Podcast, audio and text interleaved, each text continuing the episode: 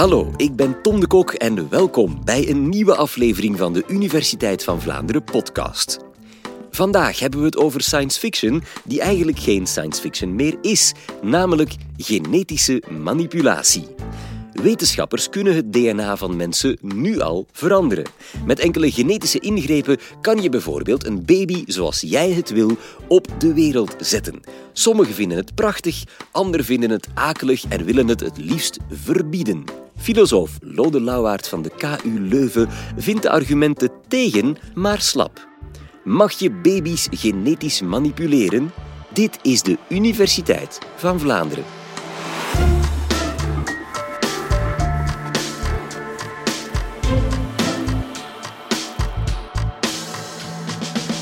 Moeten we genetische manipulatie van mensen verbieden?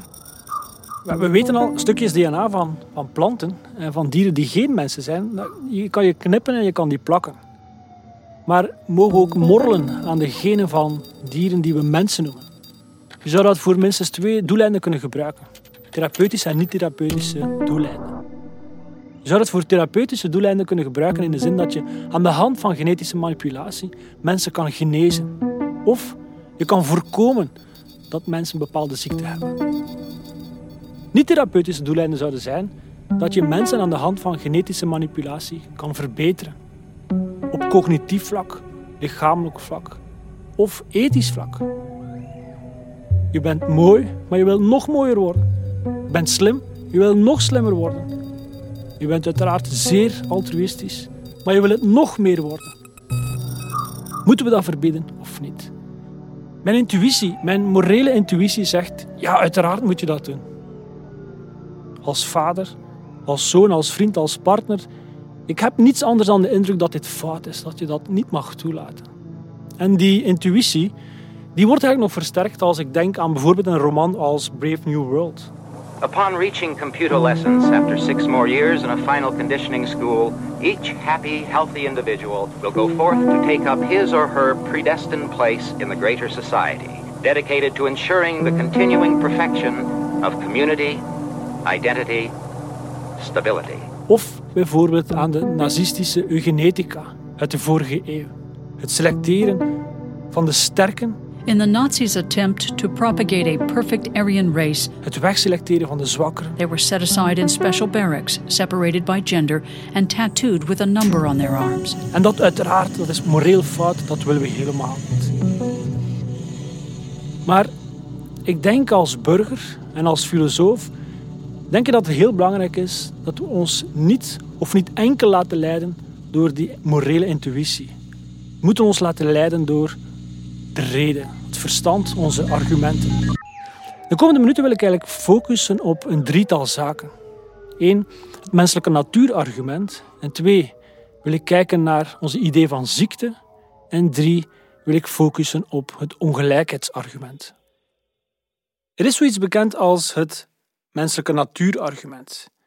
En in algemene zin betekent het dat je genetische manipulatie moet verbieden, omdat het ingaat tegen onze menselijke natuur.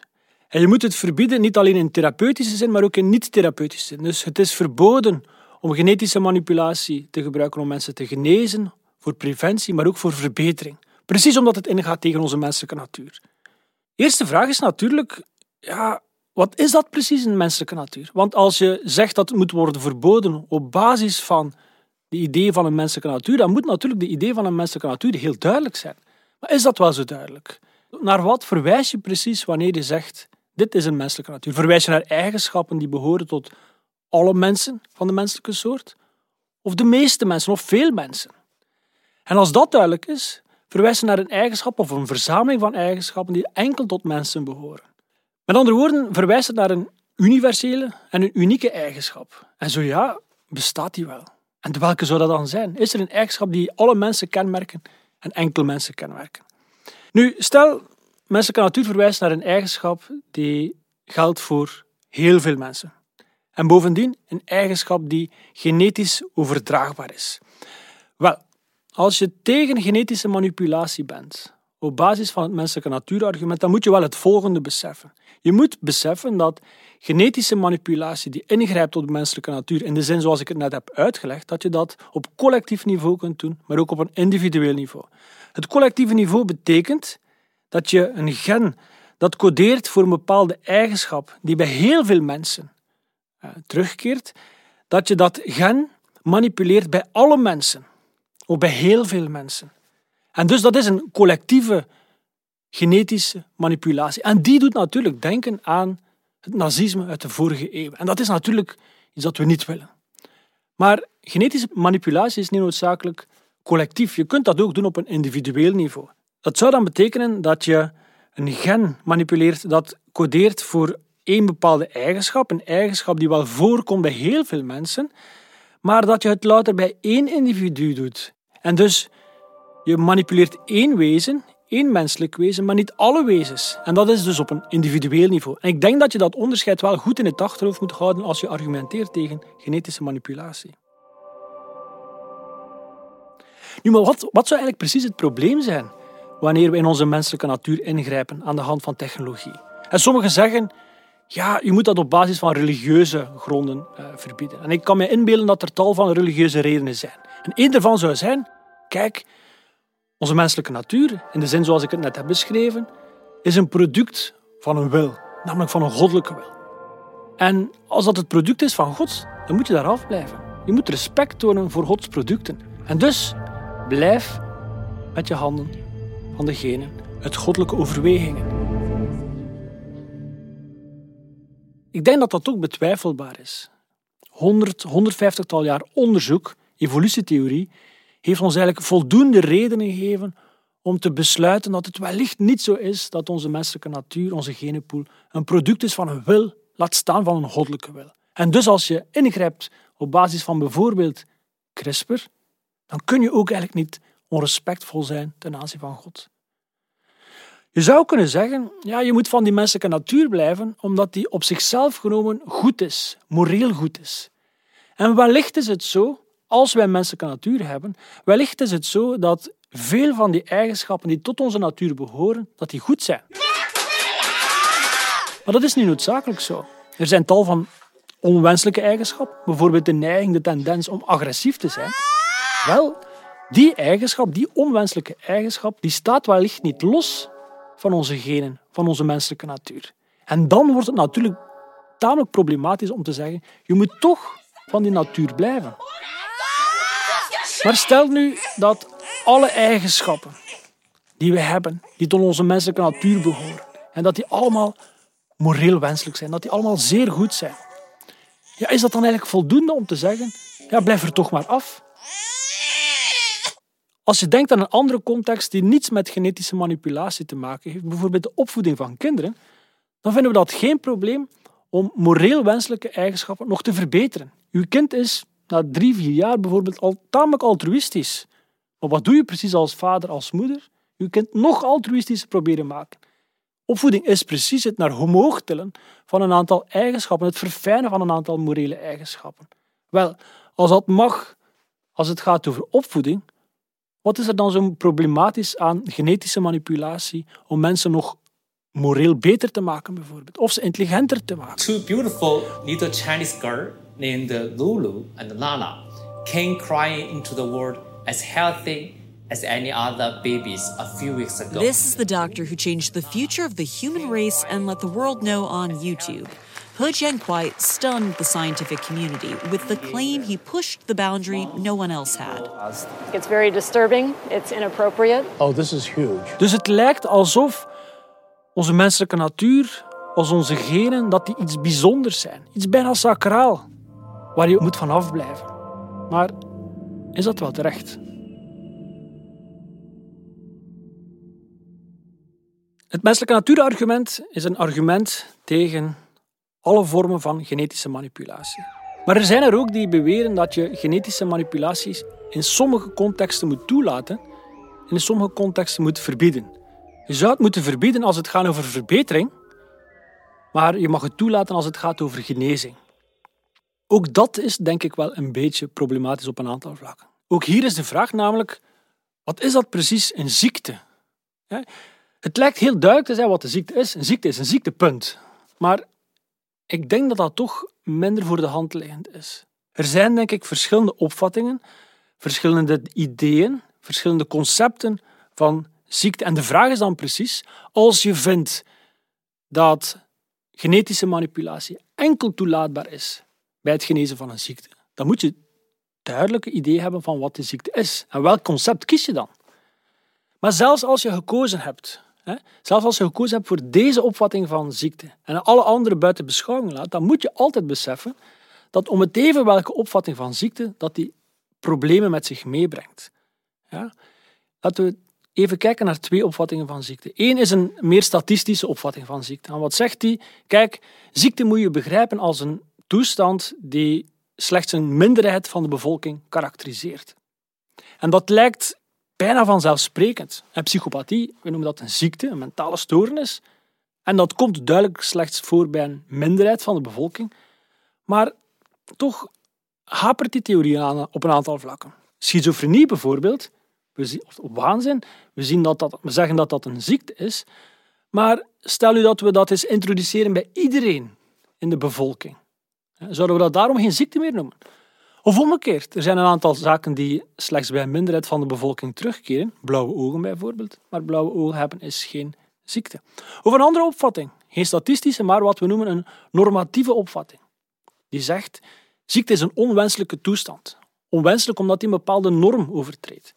En ook dat lijkt vanzelfsprekend. Denk bijvoorbeeld aan wat wij vandaag de dag parafilieën noemen. Of seksuele perversies. Het is duidelijk dat een aantal perversies normoverschrijdend gedragingen met zich meebrengen. Maar tegelijkertijd is ook duidelijk dat een aantal zaken die normoverschrijdende gedragingen zijn, dat dat geen ziekte zijn. Terrorisme bijvoorbeeld is duidelijk normoverschrijdend. Het doet iets dat moreel fout is.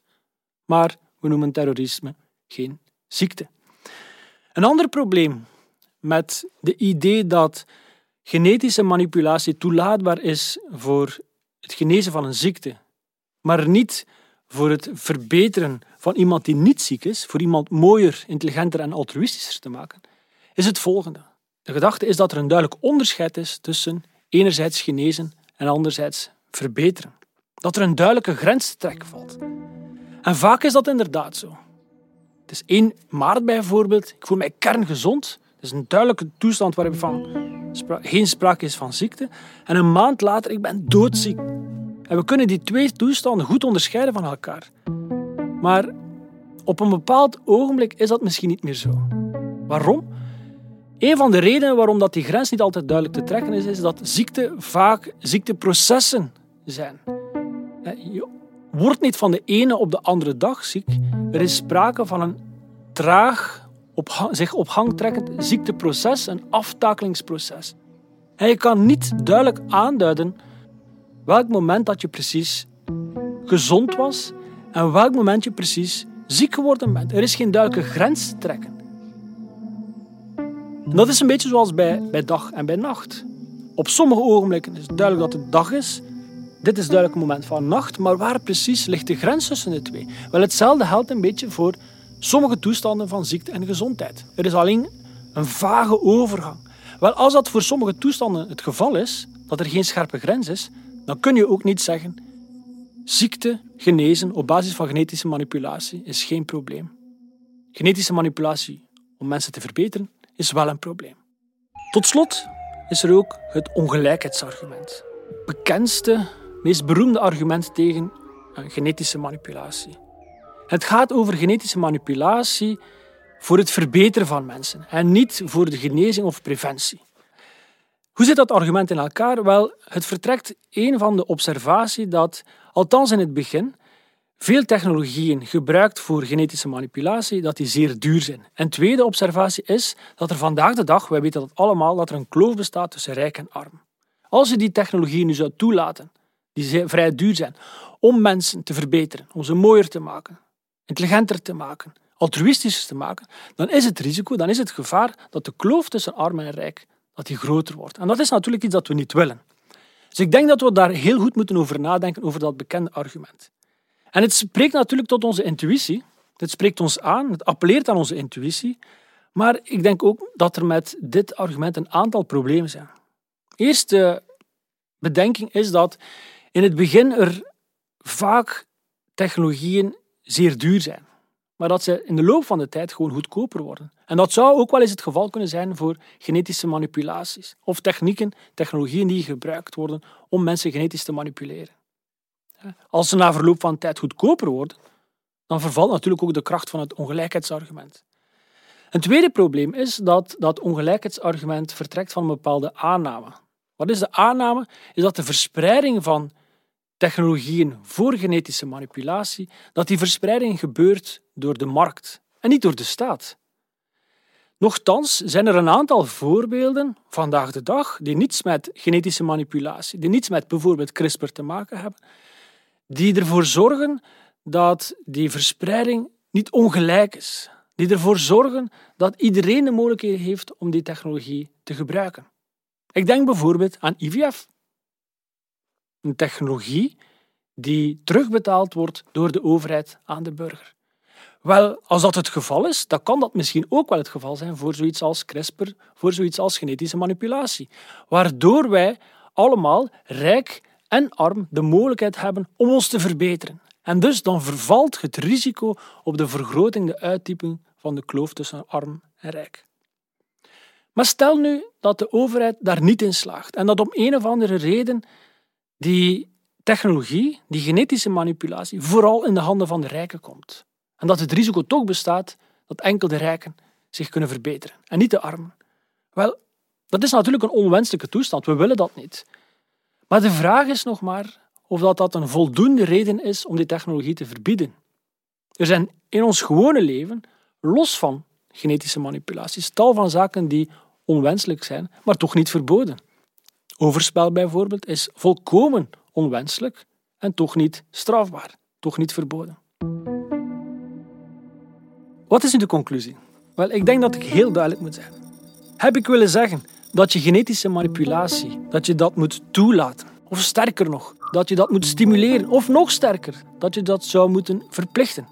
Helemaal niet. Community, identity, stability. Wil ik beweren of heb ik aangetoond dat er geen enkele goede reden is tegen het genetisch manipuleren van mensen? Uiteraard niet. Het enige dat ik heb willen zeggen is dat je, als je oproept tot een verbod op genetische manipulatie, op basis van die idee van een menselijke natuur, op basis van het idee van een ziekte, op basis van het risico op gelijkheid, dat dat verbod wellicht niet volstaat. Of dat die argumentatie voor dat verbod wellicht niet volstaat. Of minstens dat er toch grondige problemen zijn met die drie redenen, met die drie argumenten tegen genetische manipulatie van mensen. Dankjewel, Lode Lauwaard, voor dat uh, magnifieke en indrukwekkende overzicht van argumenten, uh, voornamelijk tegen genetische manipulatie van mensen. Ik, ik kon me niet van de indruk ontdoen dat veel van die argumenten te maken hebben met het feit dat wij onszelf wantrouwen als mensheid. Dat wij ervan overtuigd zijn dat we dat toch niet goed geregeld gaan krijgen, dus dat we het maar beter niet kunnen doen. Klopt dat? Dat is wel een moeilijke vraag. Uh, bij het ongelijkheidsargument denk ik niet dat het gaat over slechte bedoeling of dat we de mensen niet mogen vertrouwen. Of zo. Daar gaat het denk ik gewoon over een vaststelbaar feit, namelijk de is al armer of rijker dan de andere. Dus dat lijkt mij moeilijk te zijn. Bij dat ziekte zie ik dat ook niet.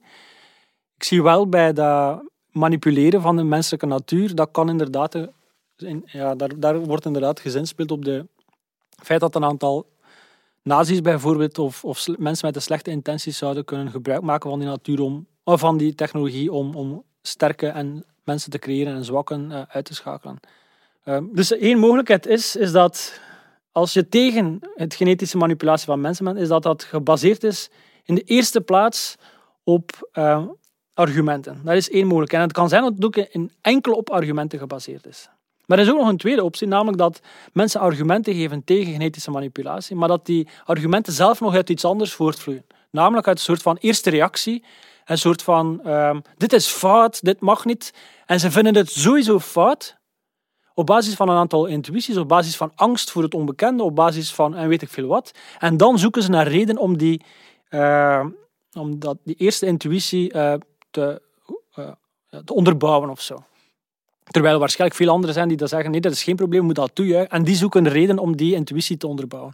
Dus ik denk dat als ik die argumenten die ik nu heb behandeld, allemaal heel grondig met de grond gelijk kan maken, dan nog zal waarschijnlijk een groot aantal van de mensen zeggen, nee, ik blijf toch tegen. En dat is waarschijnlijk omdat die argumenten niet de echte reden zijn waarom ze er tegen zijn, maar wel gewoon een soort van spontaan afkeer van op voor die dingen. Maar ja, Is, is een belangrijk probleem in deze zaak ook niet dat, eh, dat het hier gaat over iets eh, dat je met een zekere overdraaglijkheid moet beslissen, namelijk genetische manipulatie doe je bijna per definitie niet aan jezelf, maar aan bijvoorbeeld een kind. ja. Eh, en dus dat je eigenlijk niet zelf beslist over de manipulatie die gebeurt. Ja. Dus dat de actor niet hetzelfde is als ja ik snap het. degene. Zitten we daar niet een beetje... Ja, dat, ik denk dat dat een van de redenen is. Ehm, als dat het probleem is, dat ik ervoor, dat ik voor, ervoor kies dat mijn kind hè, blauwe ogen krijgt en weet ik veel, eh, groot geheugen, en dat hij daar zelf niet voor kan kiezen, ja, dan is opvoeding in het algemeen altijd een probleem. Want mijn kind heeft er nooit voor gekozen om, om geboren te worden, om naar een katholieke school te gaan, om weet ik veel wat allemaal. De kinderen hebben in het begin van hun leven weinig voor dingen te kiezen. Dus als het argument is, de autonomie wordt geschonden, ja, dat klopt. Maar dat, klopt, dat is voor opvoeding in het algemeen zo. Ehm, Bovendien denk ik dat de vrees ook is dat als je iets genetisch manipuleert, dat dat de rest van het leven van het individu, van het kind zou beïnvloeden. En dat is natuurlijk niet zo. Kiezen voor blauwe ogen, dat, eh, dat is maar enkel kiezen voor blauwe ogen en al de rest wordt waarschijnlijk niet beïnvloed daardoor. Nog iets anders is, eh, genetisch manipuleren is niet, leidt niet noodzakelijk tot het veruitwendigen van die eigenschap. Want het is nog altijd omgevingsinvloed die er moet voor zorgen dat dat naar boven komt, die, die eigenschap die samenhangt met diegene. Ehm, en enkel mensen kunnen filosofische vragen stellen. Dat is belangrijk en boeiend. Laatste vraag. Eh, je hebt, eh, je hebt een, een boel eh, zeer rationele en weloverdachte argumenten verzameld. Ik kom er niet van de indruk ontdoen dat jij, dat, je, dat jij genetische manipulatie op zich wel een prikkelende gedachte vindt. Zou je het zelf overwegen? Ja. Ja? Ja, ik moest ook weten dat dat ehm, geen schadelijke effecten voor mezelf zou meebrengen. Of, of, of, of eh, geen grote schadelijke, als dat nu klein. Als ik daardoor nu een griep zou hebben, zou ik dat niet erg vinden. Ehm, ja, ik zou dat overwegen. Ja. En wat zou je dan laten aanpassen? Ik zou mijn oren wat kleiner maken. Ehm wat weet ik dat niet. Ik- Eh, ik, zou, ik zou mijn geheugen trainen. Ik heb een bijzonder eh, verbeterd. Ik heb echt een, zeer slecht geheugen en dat is zeer vervelend. Ehm, en dat is op veel vlakken heel vervelend, op professioneel vlak, maar ook op privévlak. Uh, dus mijn vriendin kan mij morgen iets vragen. Oh, wat hebben we vorige week? Ah, nou weet ik dat gewoon totaal niet meer. En dat lijkt het cliché te zijn, maar dit is gewoon, ik denk dat het familiaal ook is wel, hè. ik ga mijn geheugen, mijn oren en ehm, ik zou graag muziek kunnen spelen. Ja. Want ik heb geen tijd om te trainen. Heel herkenbaar. Ik ga mee. Als je, als je zo'n Ja? dokter vindt die dat zou willen doen, eh, met veel plezier. Dankjewel, eh professor Lode Lauwaard, eh, voor een gesprek over een discussie die nog lang niet afgesloten is. Dat zal ook een kwestie van voortschrijdend inzicht blijven. Vergeet je niet te abonneren op dit kanaal via iTunes, Spotify of je eigen favoriete podcast-app. En als je echt zeker wil zijn dat je nooit een nieuwe aflevering moet missen, en we maken er echt heel veel, abonneer je dan ook op onze nieuwsbrief via universiteitvandvlaanderen.be. Heel graag tot een volgende keer.